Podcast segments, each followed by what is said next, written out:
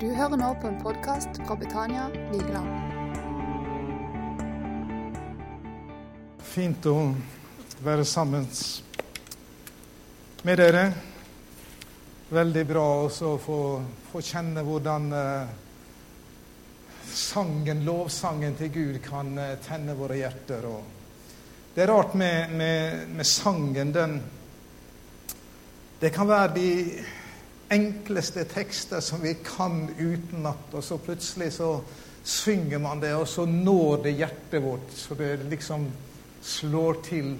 Og det er, det er veldig godt. Jeg hadde en, en sånn god opplevelse av det her for litt siden. Jeg hadde Ikke alle dager er like, synger vi en sang. Så var det en dag jeg var litt sånn misfornøyd med dagen og misfornøyd med meg sjøl, og, og, ting hadde gått litt på tvert og var liksom ikke helt sånn sånn i god stemning. Og så skulle jeg kjøre inn til byen, og så så skrur jeg på radioen. Og så har jeg ikke et DAB, så jeg har, får jo bare lokale. og så kom det akkurat idet jeg slo på, så kom det Og det traff hjertet mitt. I am no longer a slave to fear. I am a child of God. Det vet de jo. Jeg er et Guds barn. Men allikevel så sa det liksom pang inni her. Nesten så jeg måtte stoppe bilen. og så men det første jeg gjorde når jeg kom hjem igjen, det var å finne fram uh, YouTube og så kjøre det på anlegget. Så satt jeg der, og så spilte det så mange ganger at kona sa nå, nå kan vi vel høre på Gater. Men uh, sånn er det når, når, ting treffer vårt hjerte. Og det kjente vi her i sangen. Det treffer hjertet vårt, det gjør noe med oss. Veldig fint å være her. Det er klart, når jeg, kjørte bort her i snødrev og, og sånn, så, så, var det nesten ikke til å unngå å måtte mimre lite Grann. Det var ikke så veldig mange av dere som var i menigheten her i 1970, var det det? Her er noen få. Kan dere rekke opp hånda? Ja, to stykker der, og så noen ganske få var Men første gangen jeg sa kanskje det siste jeg var her. Men uh, første gangen jeg, jeg, var her, da Eh, jeg hadde nettopp begynt å reise som evangelist, og så var det det som kaltes den gangen eh, predikant, eldste og misjonskonferanse nede her da hos eh, dere. Og så var vi noen få eh, nye evangelister, jeg er alene igjen av de, som ble presentert den gangen. Og så var det da konferanse for, for predikanter og eldste og, og, eh, og misjonærer. Veldig fin konferanse, forresten. Og det var et kjempemasse snø den vinteren i 70 Det var i januar-februar, noe sånt. Og det var en, en fin eh, Og så er det veldig flott å se og oppleve at menigheten har vokst. Noen de er gått foran hjem, og så er det kommet nye til. Og det takker vi Gud for. Alle steder der Guds rike går fram. Så det gleder våre hjerter. Og fint å se alle barna og alle dere som er sammen med oss i dag.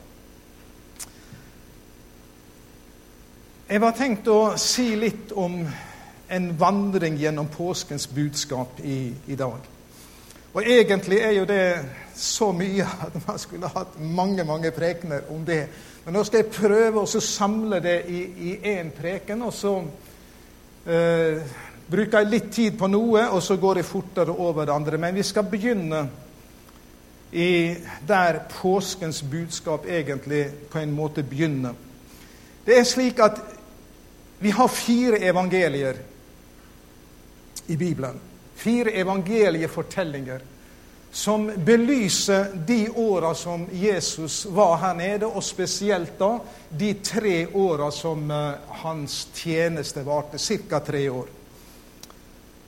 Og eh, det er slik at Disse evangeliefortellingene de belyser jo forskjellige sider av Jesu liv. Mange av historiene de er akkurat det samme, men så er det andre som tar med noe. Johannes tar med noe som Markus ikke tar med, og Lukas tar med noe som de andre ikke tar med, osv. Men det er slik at i disse tre, ca. tre åra som Jesus hadde sin offentlige tjeneste, fra han ble døpt i Jordan ved av døperen Johannes, og ånden kom over ham, og til da oppstandelsen, så var det ca. tre år. Og det blir sånn ca. 1100 dager. Sant? Og evangeliefortellingene, de, de har ikke en sånn dagbok eh, måte å skrive på. De følger ikke han dag for dag i 1100 dager, men de tar med en del. Så ser vi at hos Matteus, Markus og Lukas og halvparten cirka av Johannes evangeliet, det dreier seg om de åtte siste dagene av Jesus' sin tjeneste. Og det er litt spesielt. Av 1100 dager så bruker altså tre av evangelistene en tredjedel av alt de skriver, om de åtte siste dagene. Og Johannes bruker nesten halve evangeliet på de åtte siste dagene. Det forteller hva er hovedsaken i evangeliefortellingene. Alt det som er skrevet før, det er innledning til disse åtte siste dagene.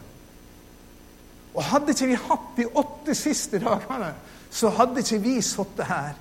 Da hadde ikke vi hørt knapt nok om denne mannen som gikk omkring og gjorde vel og helbreda syke osv. Men fordi at det skjedde noe helt spesielt på de åtte siste dagene, så sitter vi her, og så kan vi synge som vi synger, og så vet vi hva vi vet, at vi ved troen på denne personen er blitt Guds barn. Når Jesus gikk omkring, så var det noe som var viktig for han. Det var mange ting som var viktig, men en av de viktige tingene han, han visste jo hvem han var. Han visste han var den lovede Messias. Og hvordan skulle han vise folket at han var det? At han var den personen som skriftene, profetene, hadde skrevet om og hadde lovt. Da måtte han vise gjennom sitt liv at de kunne korrespondere med det som profetene hadde sagt, slik at de skjønte at han er den lovede Messias. Han var ikke altså en oppkomling som bare dukka opp av intet, men han sto fram i tråd med det som profetene hadde talt om. Derfor så sier Jesus til de skriftlærde ved en anledning dere ransaker Skriftene og tror at dere har liv i de. Men det er jo om meg Skriftene taler, og så vil dere ikke komme til meg for å få liv. Og vi husker hva som skjedde i Nasaret-synagogen når Jesus kom inn der. Og så får han profeten Jesaja, og så leser han om Messias. Og så sier han i dag er dette skriftord oppfylt for dere. Og Vi har det jo etter oppstandelsen, når han eh, går sammen med Emmausvandrerne. Så underviser han fra alle profetene opp gjennom hele veien hvordan Messias måtte lide og dø. Altså Det var viktig for han at folket skjønte ut ifra Skriftene at han var den han var. Vi begynner vi skal begynne i Markus evangeliet. Markus han er vel den som de regner med at han skriver mest kronologisk når det gjelder de åtte siste dagene i Jesus sitt liv. Og Da begynner han med palmesøndag i kapittel 11 i Markus evangeliet. Der står det hvordan han rir inn i Jerusalem. Og Når han rir inn i Jerusalem, så kan man jo tenke Hvorfor, hvorfor gjør han det? Hvorfor rir han inn i Jerusalem? Hvorfor kunne ikke han gå slik som han ellers hadde gjort? Nei, det var viktig for han å gjøre det som profetordet hadde talt om tidligere. Og i profeten Zakaria, der har jo profeten profetert om Messias som skulle komme. Og han sier det slik.: Bryt ut i jubel, Sions datter. Rop av glede, datter Jerusalem. Se, din konge kommer til deg. Rettferdig og rik på seier. Fattig er han og rir på et esel, på et eselfole. Og så sier Jesus, gå inn i byen, Og så finner dere et eselfole, og så skal dere løse den, og så skal dere komme hit. Og så setter han seg på den, og så er det en folkemengde som eh, er rundt han. Og så begynner de, den folkemengda å øke, og så begynner de å rope Hosianna, velsignet er Han som kommer i Herrens navn. Velsignet er vår far Davids rike. Matteus han gjengir at de synger Hosianna, Davids sønn. Velsignet være Han som kommer. Så det var altså noen som skjønte hvem det var som kom ridende. Det var kongen som profetene hadde gitt løfte om skulle komme. Og hvis dere Jeg vet ikke om vi skal Ja, vi kan ta, vi kan ta litt uh, bibelhistorie, kan vi gjøre. Litt repetisjon. Uh, hvis vi hadde kunnet spole 1000 år lenger tilbake i tid fra denne hendelsen, så ville vi sett at omtrent på samme sted skjedde der en helt lignende ting. Som det som skjedde nå når Jesus rir inn i Jerusalem, og folket jubler over kongen som kommer. David han lå på sitt dødsleie. Han eh, var veldig syk. Og mens han ligger på sitt dødsleie Han hadde jo mange sønner. Så var det en av sønnene hans som var en ustyrlig gutt, ung mann, vakker å se til, hadde venner i massevis. Og så gjør han rett og slett et statskupp. Han heter Adonia. Og han får med seg hærføreren til, til eh, David, Joab, og han får med seg en av prestene som heter Bjartar, og han får med seg brødrene sine, unntatt Salomo. Han får med seg mye folk. Og så gjør han rett og slett et statskupp, og så samler de seg til en gedigen fest. Og så utropes Adonja til konge uten at David vet om det. Og David hadde gitt løfte til Batseba om at Salomo skulle være konge. Og Så kommer Natan, han får greie på det her. Natan og Batseba går inn til David og spør om ikke det var Salomo som skulle være konge. Og Så sier David nå skal profeten Natan og presten Sadok Nå skal dere ta med Salomo, min sønn. Og så skal dere ta med mitt mulesel. Og så skal dere dra ned til Gihon-kilden. Og der skal dere samles sammen med masse Og der kom masse folk. Og så skal presten Sadok ta oljehornet. Og så skal han tømme, så skal de salve Salomo til konge. Og der var kommet en mengde folk. Og det står faktisk i første kongebok, hvis du vil lese senere, så står det at det var en sånn jubel når Salomo ble salva til konge, og han rir inn i, på, på eh, kongens eh, esel og han, på, på trelldyret der, så, så, ble det en sånn jubel at det, i den gamle oversettelsen står det at, det var, at jorda revna. I den nye oversettelsen står det at det var som om jorden skulle revne. Men det var en kjempejubel, for nå var Salomo salva til kongen.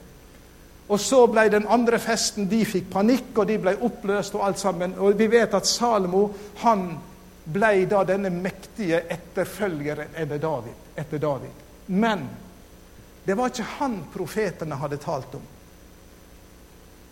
Profetene som kom etterpå også, de talte om det skal komme en ny konge. Det skal komme en av Davids ett som skal være salva, ikke med olje som er i et horn ifra teltet, det hellige teltet, men som skal salves med Den hellige ånd. Og når eh, Jesus rir inn i Jerusalem, så, så er han den som de ropte om her, velsignet være vår far, Davids rike som kommer. Altså, de skjønte noen. Han er kongen som kommer. Men når Salomo red inn på muldyret til David og var selva til konge, så gikk presten Sadok ved siden av og profeten Natan på den andre sida. Men når Jesus rir inn, så skal vi huske at da er det én som kommer til oss, som ikke bare er konge, men han er presten som er salvet av Gud, og han er profeten som er salvet av Gud. Alle de tre embetene som skulle være salva til spesielle tjenester i den gamle pakt, de var forena i denne personen, Jesus Kristus. Og så sier Zakaria, se din konge komme til deg.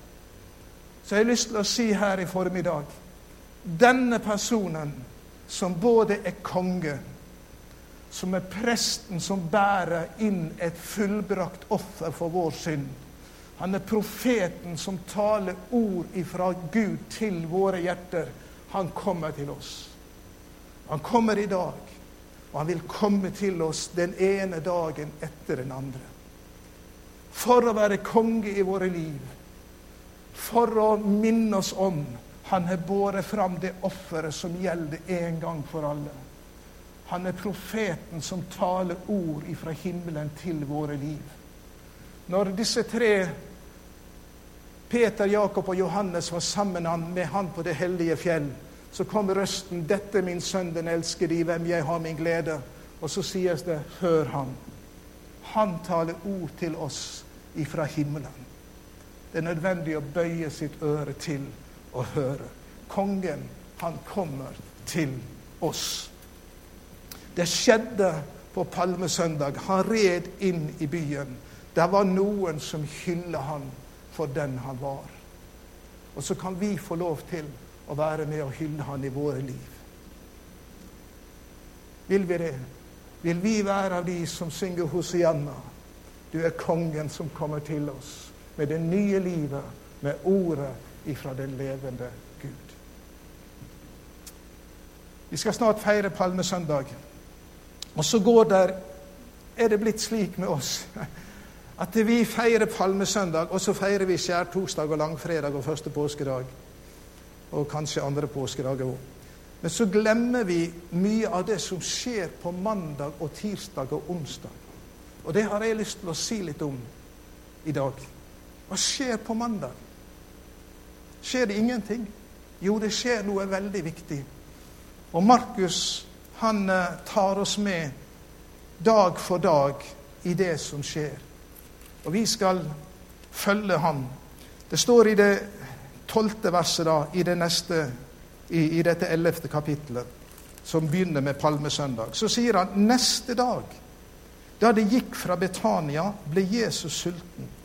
Langt borte så han et fikentre med løv, og han gikk bort for å se om han kunne finne noe på det. Men da han kom bort til det, fant han ikke annet enn blad, for det var ikke tiden for fikener. Da sa han til treet, aldri mer skal noen spise frukt av deg. Og disiplene hørte det. Og så vet vi at fikentreet, det, det visna, det døde. Så kan det synes, når vi leser det her litt sånn overfladisk, så kan vi tenke ja, men Jesus, du er jo urettferdig. Hvorfor visna dette treet når du lette? Det var jo ikke tid for fikner. Åssen kan du da si til, til treet at ja, men når det ikke er fikner, når det ikke er, så, så, så skal du bare dø? Jesus måtte jo vite det at ikke der er fikner, modne fikner på våren i mars-april.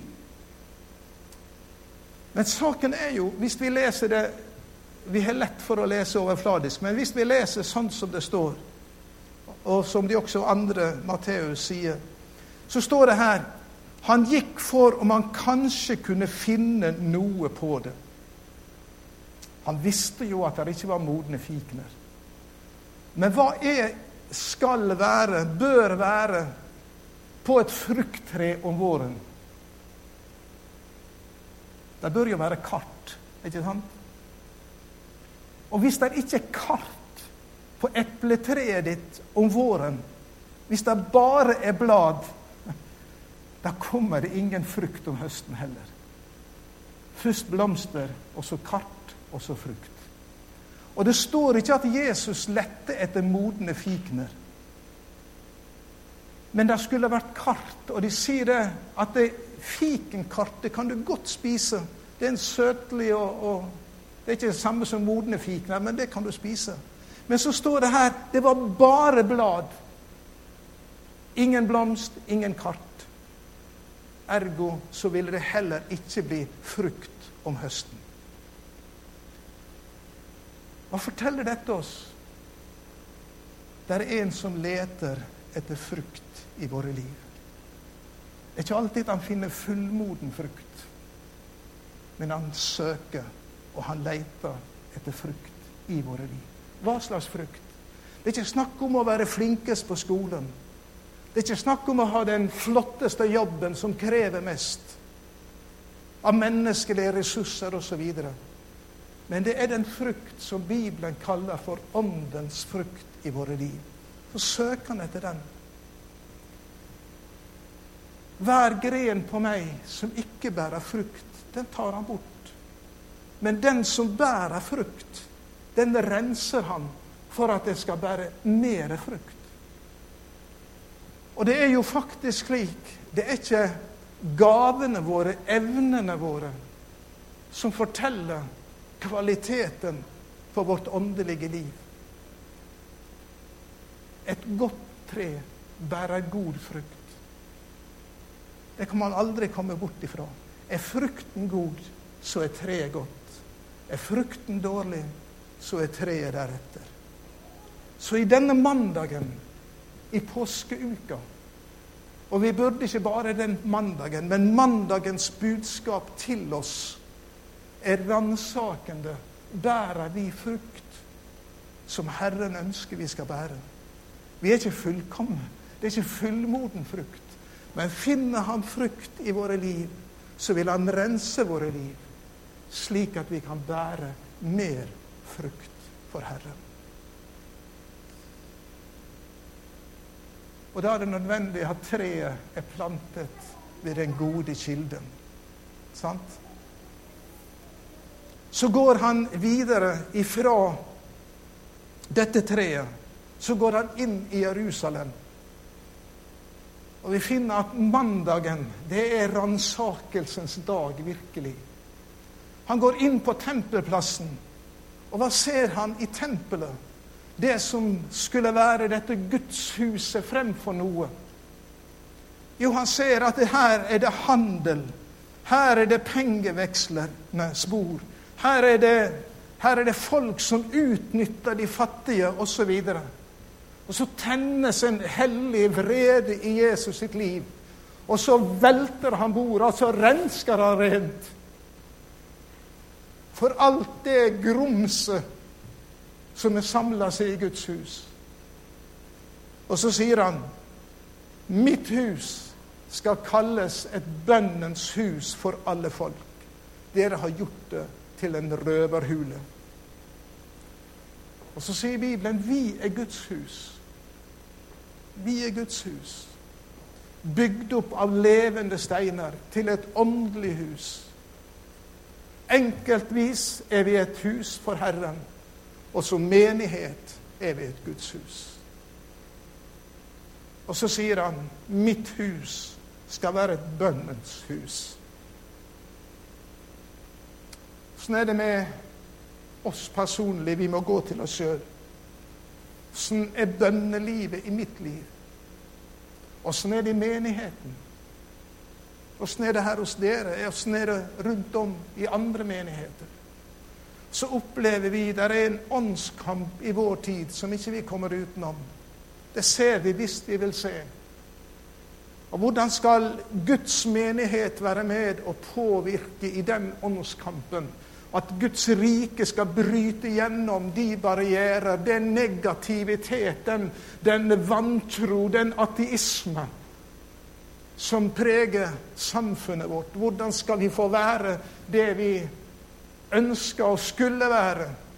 Er det menneskelige ressurser? Ja, Gud bruker mennesker. Men de menneskelige ressursene strekker likevel ikke til. Ikke ved hær og ikke ved makt, men ved min ånd skal det skje, sier Herren. Og når Guds folk vet å bruke skal vi si, kneveien. Om du bøyer kne, eller du står eller du sitter, det er ikke det som er avgjørende. Men at vi er et folk som søker Gud for at Guds rike skal gå fram. Mitt hus skal være et bønnens hus.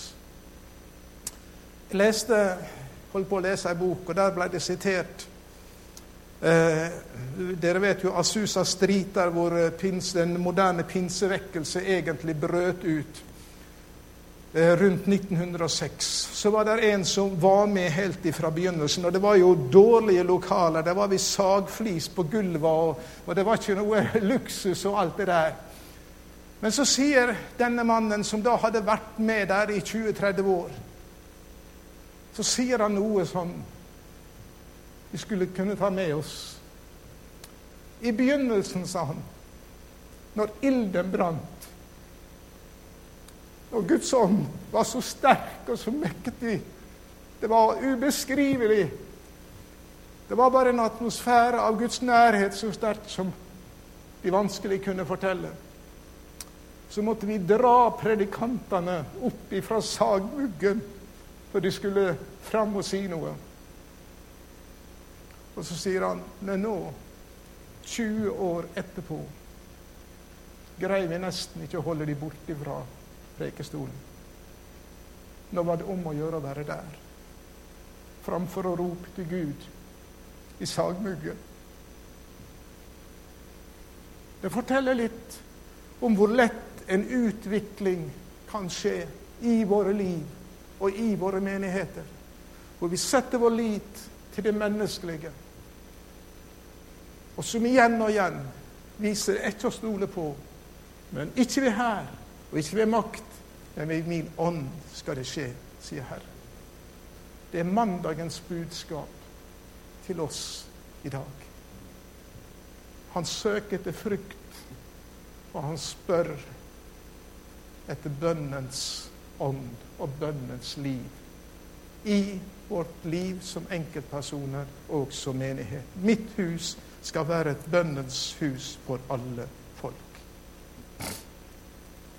Dagen etterpå Vi kom til tirsdagen.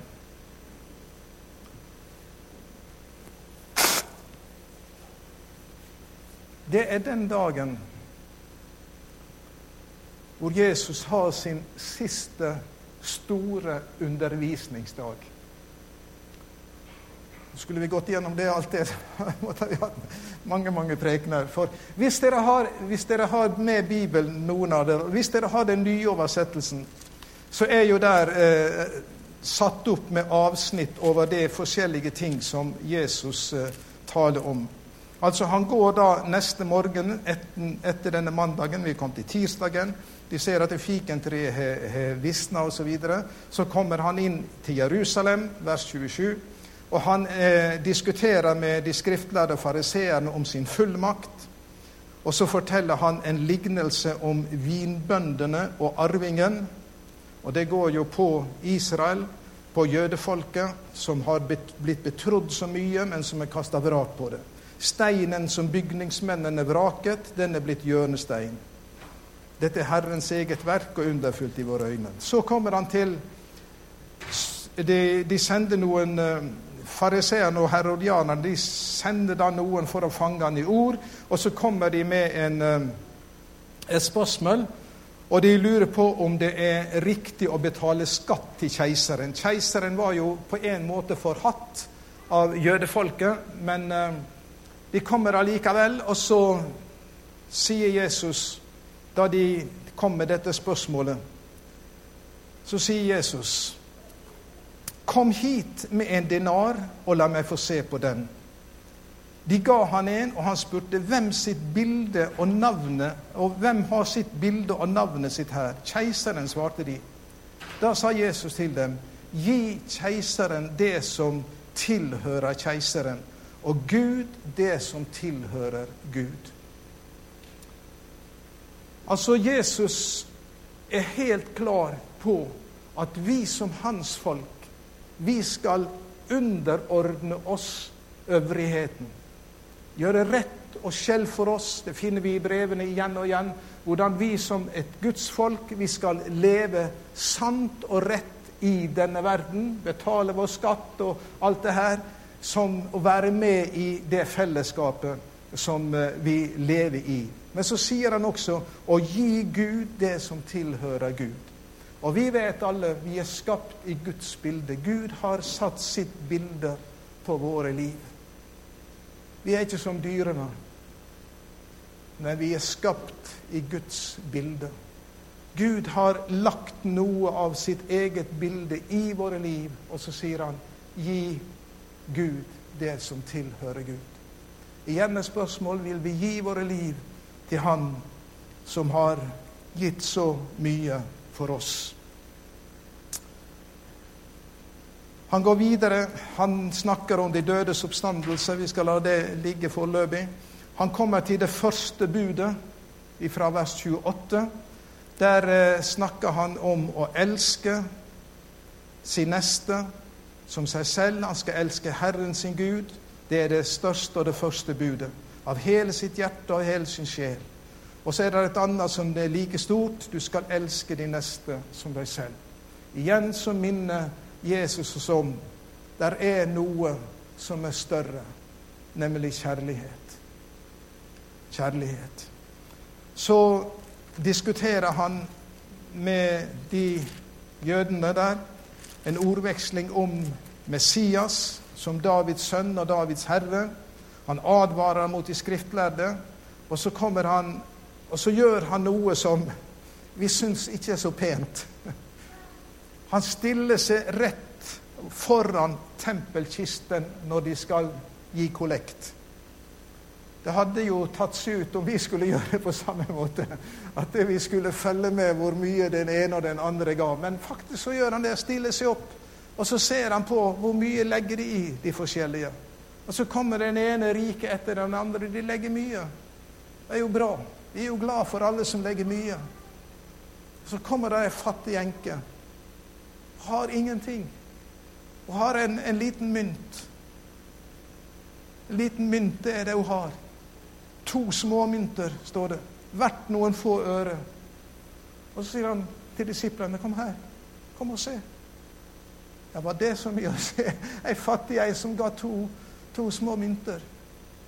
Så sier han, 'De rike, de gav av sin overflod.' Sikkert de merka at de hadde gitt en gang. De hadde nok av det.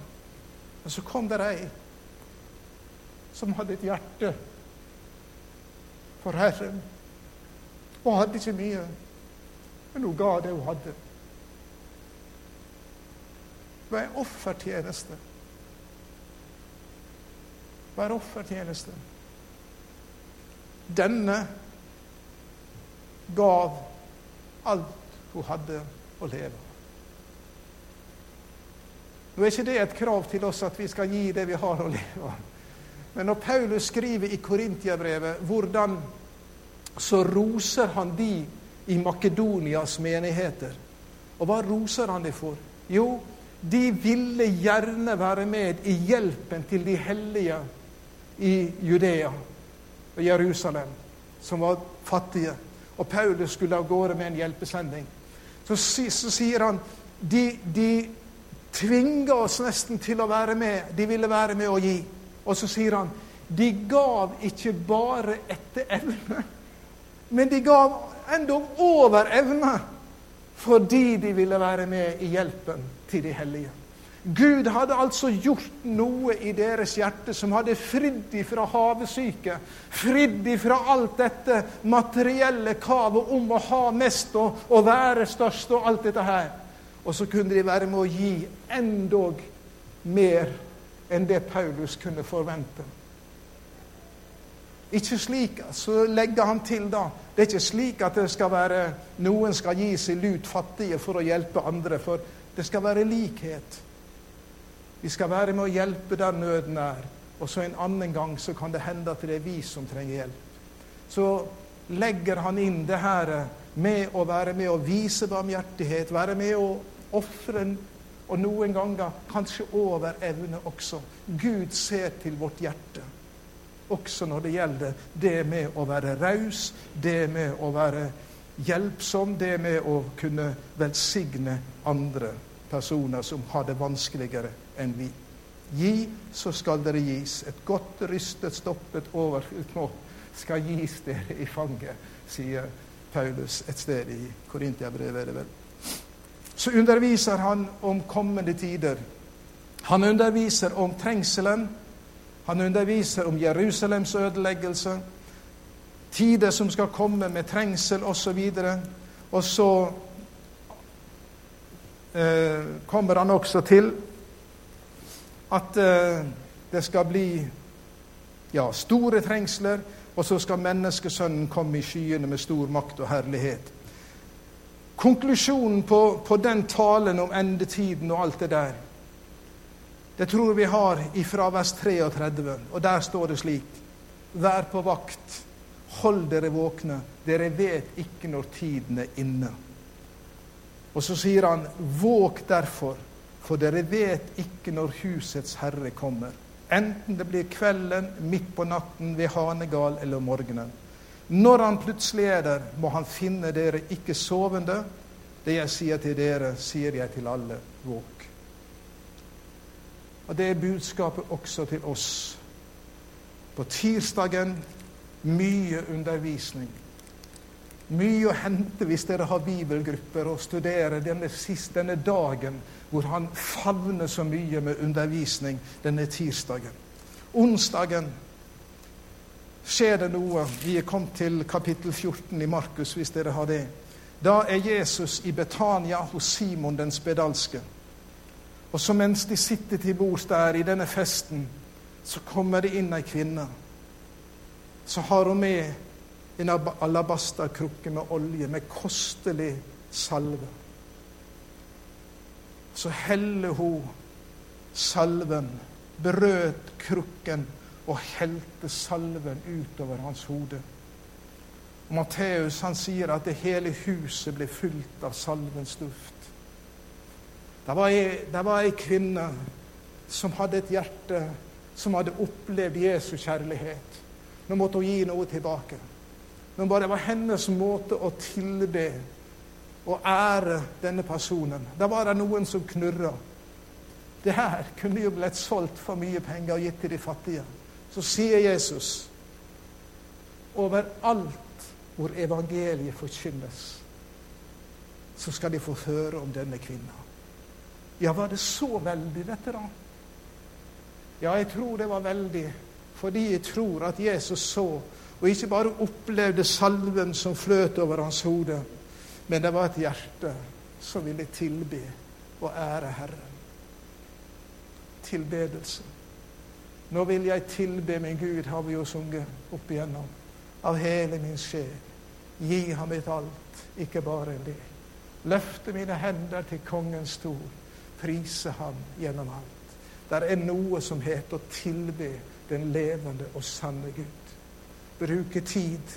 Det er ikke sløsing av tid. Og så ære Herren og tilbe Ham for det Han har gjort.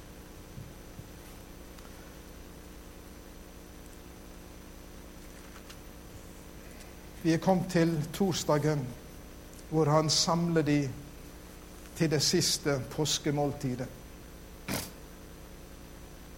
Og her eh, forteller Markus en del av det som skjer. Johannes han forteller om hvordan Jesus vasker disiplenes føtter. Men Johannes forteller ikke om nattverden, og Markus han forteller ikke om fotvasken, men han forteller om nattverden. Og så utfyller de hverandre. Så når de har dette måltidet, ja, det kan de også ta med på onsdagskvelden. Den slutta dramatisk. Det var en kvinne som tilbed, som til, tilba Jesus med å helle olje over hans hode. Men så var det én av disiplene Judas Iskariot, en av de tolv, gikk til øverste prestene og tilbød seg om å utlevere Jesus. Spranget mellom et hjerte som elsker han som hadde tilgitt, og den andre som hadde sett så mye, men allikevel hadde et svikefullt hjerte. Det er veldige kontraster. Torsdagen samler han de til påskemåltid. Og han som har vært hos øversteprestene og sveket Jesus, han er også med. Han er også med der. Men han går ut omsider, ut i natten. Og så holder de nadværsmåltidet. Så innstifter Jesus dette måltidet som har fulgt den kristne menighet opp gjennom alle disse 2000 år, og som skal følge inntil Herren kommer tilbake. Og hva er nadværen? Jeg vet ikke hvordan dere feirer den. Men det som er helt klart, det er at i nadværen så sier Jesus Han brøt brødet, takket, og så sa han, ta imot. Dette er min kropp. Det er langfredag på forskudd. Det er min kropp. Ta imot. Nadværen er Guds store nådesmåltid til oss. Stiller ikke krav. Ta imot. Kalken, dette er mitt blod. Det utøses for dere til syndenes forlatelse. Ta imot. Ta imot. Og så får vi lov til å komme som syndere og ta imot Guds nåde ufortjent. Ikke bare i nadverden, men det, det, det, minner oss igjen om det som vi har fått lov til å være med om. Så feirer vi nadvær. Nådens måltid. Han som gav seg selv for våre synder. Han som lot blodet renne for at vi skulle gå fri. Feirer vi under nadværsfeiringen. Ta imot uforskyldt av nåde. Så går de fra nadværen etter en tid. Men når de sitter der, så skjer det noe som alltid skjer når de er til påskemåltidet. De synger lovsangen. Det står da de hadde sunget lovsangen, gikk de ut mot Oljeberget. Hvilken lovsang var det? Det var ikke en av våre nye kor, selv om de er aldri så fine. Men det de sang, var bl.a. Salme 118. Det er en lang salme, og de sang flere også, men spesielt den. Det store Hillel. Så sang de Salme 118. Og Salme 118, der har vi jo dette verset som vi også synger. Dette er dagen som Herren har gjort. La oss glede oss og fryde oss på den. Og hør nå, Jesus satt der og visste hva han nå skulle gå gjennom. Han visste han skulle ut til Getsemane og kjempe kampen. Han visste om korset som venter. Allikevel så synger vi Jesus sammen med dem. Dette er dagen som Herren har gjort. La oss glede oss og fryde oss på den. Hvorfor gjorde han det? Han visste nå bryter den nye dagen fram. Det er nådens dag. Nå begynner den dagen som profetene har talt om. Så går de ut imot Getsemane så begynner kampen. Han tar med seg Peter, Jakob og Johannes et stykke inn. Og så går han enda et steinkast ifra dem. Og han ligger der og kjemper. Og så kjemper han så hardt at svetten faller som blodstråper til jorden. Herre, far, la denne kalk gå meg forbi. La dette beger av lidelse gå meg forbi, om det er mulig. Men ikke som jeg vil, men som du vil. Kommer han tilbake. Og så sier han til Peter, som har sagt og som har bekjent så mye Om alle andre forlater det, så kan du regne med meg. Så sier han, Simon, sover du? Er du også falt i søvn? Vågde det, greide dere ikke å våke en time med? Igjen så viser Jesus denne enorme kraften som er i bønnen. Og han kjempa bønnen igjennom. Så nå var han rede til å drikke det beger av lidelse som far hadde rakt ham. Så kommer de og henter ham, og vi eh, leser hvordan det skjer, dette forhøret osv. Og, og på fredagsmorgenen så er de på vei imot Golgata.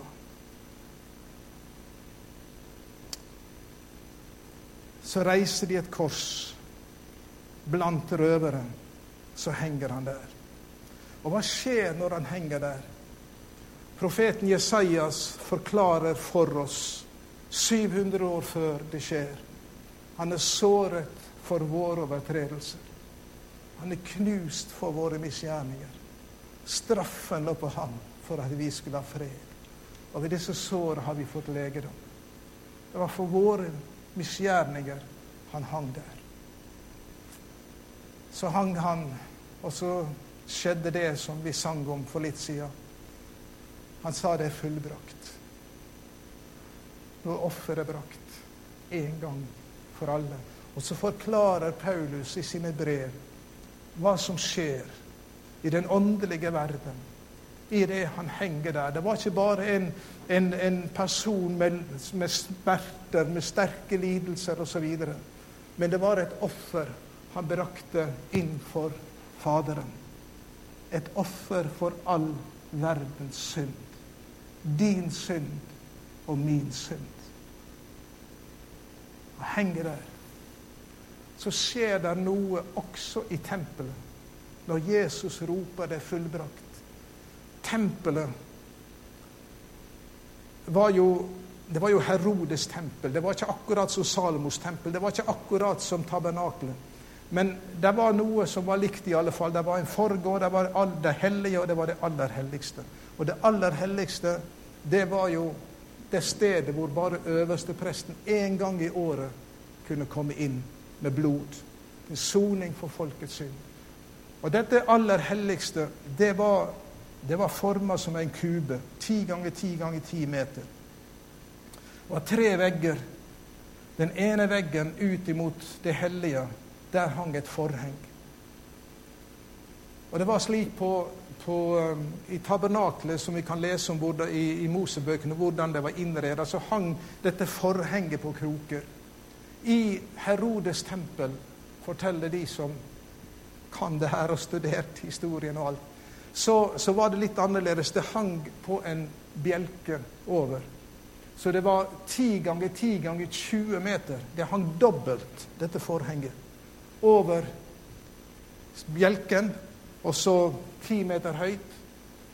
Så ingen kunne se inn, ingen skulle gå inn. Når øverste presten gikk inn, så gikk han inn på den ene sida, gikk imellom mellom disse to sidene av forhenget og så kunne han dra det ene til side og så gå inn. Slik at ingen, når han gikk inn, så var det ingen andre som kunne se inn i det aller helligste.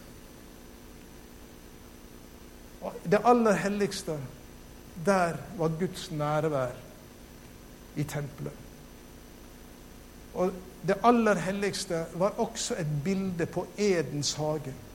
Der hvor Gud vandrer sammen med folket, med Adam og Eva.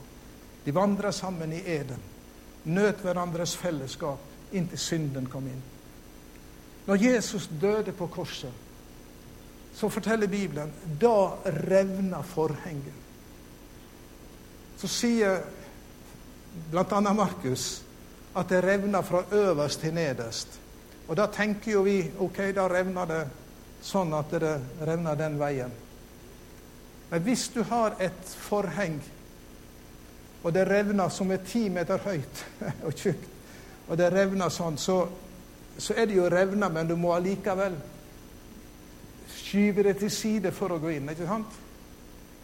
Så si Lukas han gir en liten detalj som de andre ikke har.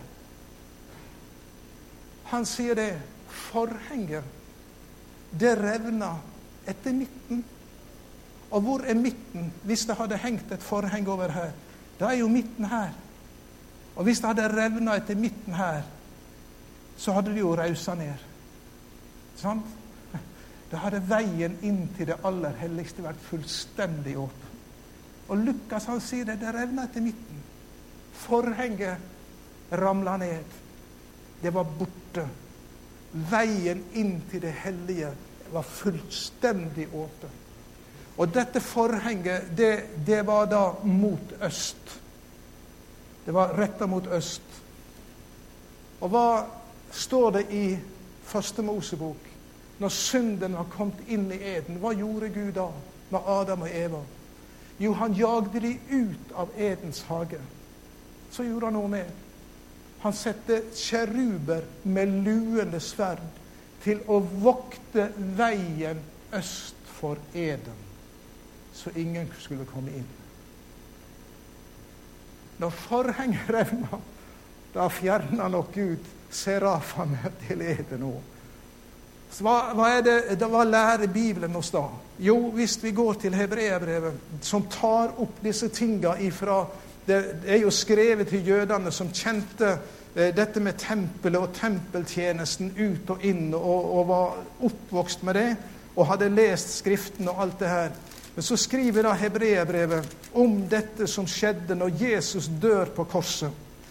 Hebreerbrevet kapittel 10, så er er forfatteren veldig nøye med oss og forteller oss og dette må vi forstå. Slik at vi kan se det, erfare det, oppleve det. Veien som før var avstengt, inn til Guds herlighet. Denne ved blodet åpent. Forhenget revet ned. Daniel Nilsen, en gammel predikant, har skrevet den sangen. og Jeg vet ikke om han, han har stoppa for det i Lukas. 'Forhenget revet ned', sa han. Det burde ha stått 'forhenget revnet ned'. Det var jo enda bedre. Men her i, i Hebreabrev kapittel 10, hør nå hva det står. For med ett eneste offer, vers 14, med ett eneste offer har Han for alltid gjort dem som helliges, fullkomne. Fullkomne på grunn av det ene offeret har det skjedd i våre liv. Og så står det i vers Eh, vi går til eh, Ja, vi tar med vers 12. Men Jesus har for alltid båret fram ett eneste offer for synder og satt seg ved Guds høyre hånd. Og med ett eneste offer har han for alltid gjort den, fullkomne, den som helliges, fullkomne. Og vers 18.: Der det er tilgivelse for syndene, trengs det ikke lenger noe offer. Så offeret som Jesus brakte, det er det som gjør oss fullkomne. Og dette offeret har han, vers 19. Så har vi da, søsken, frimodighet ved Jesu blod til å gå inn i helligdommen, dit han har innviet en ny og levende vei for oss gjennom forhenget som er hans kropp. Hva betyr det? Det betyr at alt vårt strev for å komme nær Gud, det kommer vi ingen vei med. Men han har åpna veien inn til det aller helligste. Inn til Guds nærvær. Derfor sier han også tidligere i Hebreabrevet La oss da, brødre, ved Jesu blod gå inn i det aller helligste. Vi kan komme inn med frimodighet for at vi skal få miskunn og finne nåde til hjelp i rette tid. Jesu offer baner veien inn til Gud, inn til Guds nærvær. Gud er meg nær hver dag, hver stund, hver time, hvert sekund. Ikke av alt de har fått til, men av det offeret som Jesus brakte. Billy Graham døde for litt siden. Hva tror dere han var, var, var grunnen for hans hva skal vi si inngang til døden? Tror han stolte på alle kampanjene han hadde hatt? Alle millionene han hadde vært med og vitna for. Nei, langt derifra. Det var én ting Billy Graham var klar på. Det eneste som gjelder, det er det som Jesus har gjort. Halleluja. Halleluja. Det er nok det som Jesus gjorde. Det er nok det som han har gjort. Han har sona de synden store, og det er vunnet som rein ei drakt. Lørdag er det sabbat, det er stillhet. Søndagsmorgenen kommer det noen kvinner til graven. Og vi sang så fint. Den første dag i uka. De leiter, men de får til svar han er ikke her. Han er ikke her. Han har stått opp. Han lever. Han lever. Å få gå med så salig et bud. Han lever. Han lever. Oppstandelsen. Og her skriver Paulus i 1. Korintiabrev kapittel 15, så viser Paulus det er én ting som gjelder over alle andre ting. Han sier når han kom til Korint, så kom han med et budskap. Hvis dere har Bibel, så kan dere godt følge med 1. Korinterbrev 15.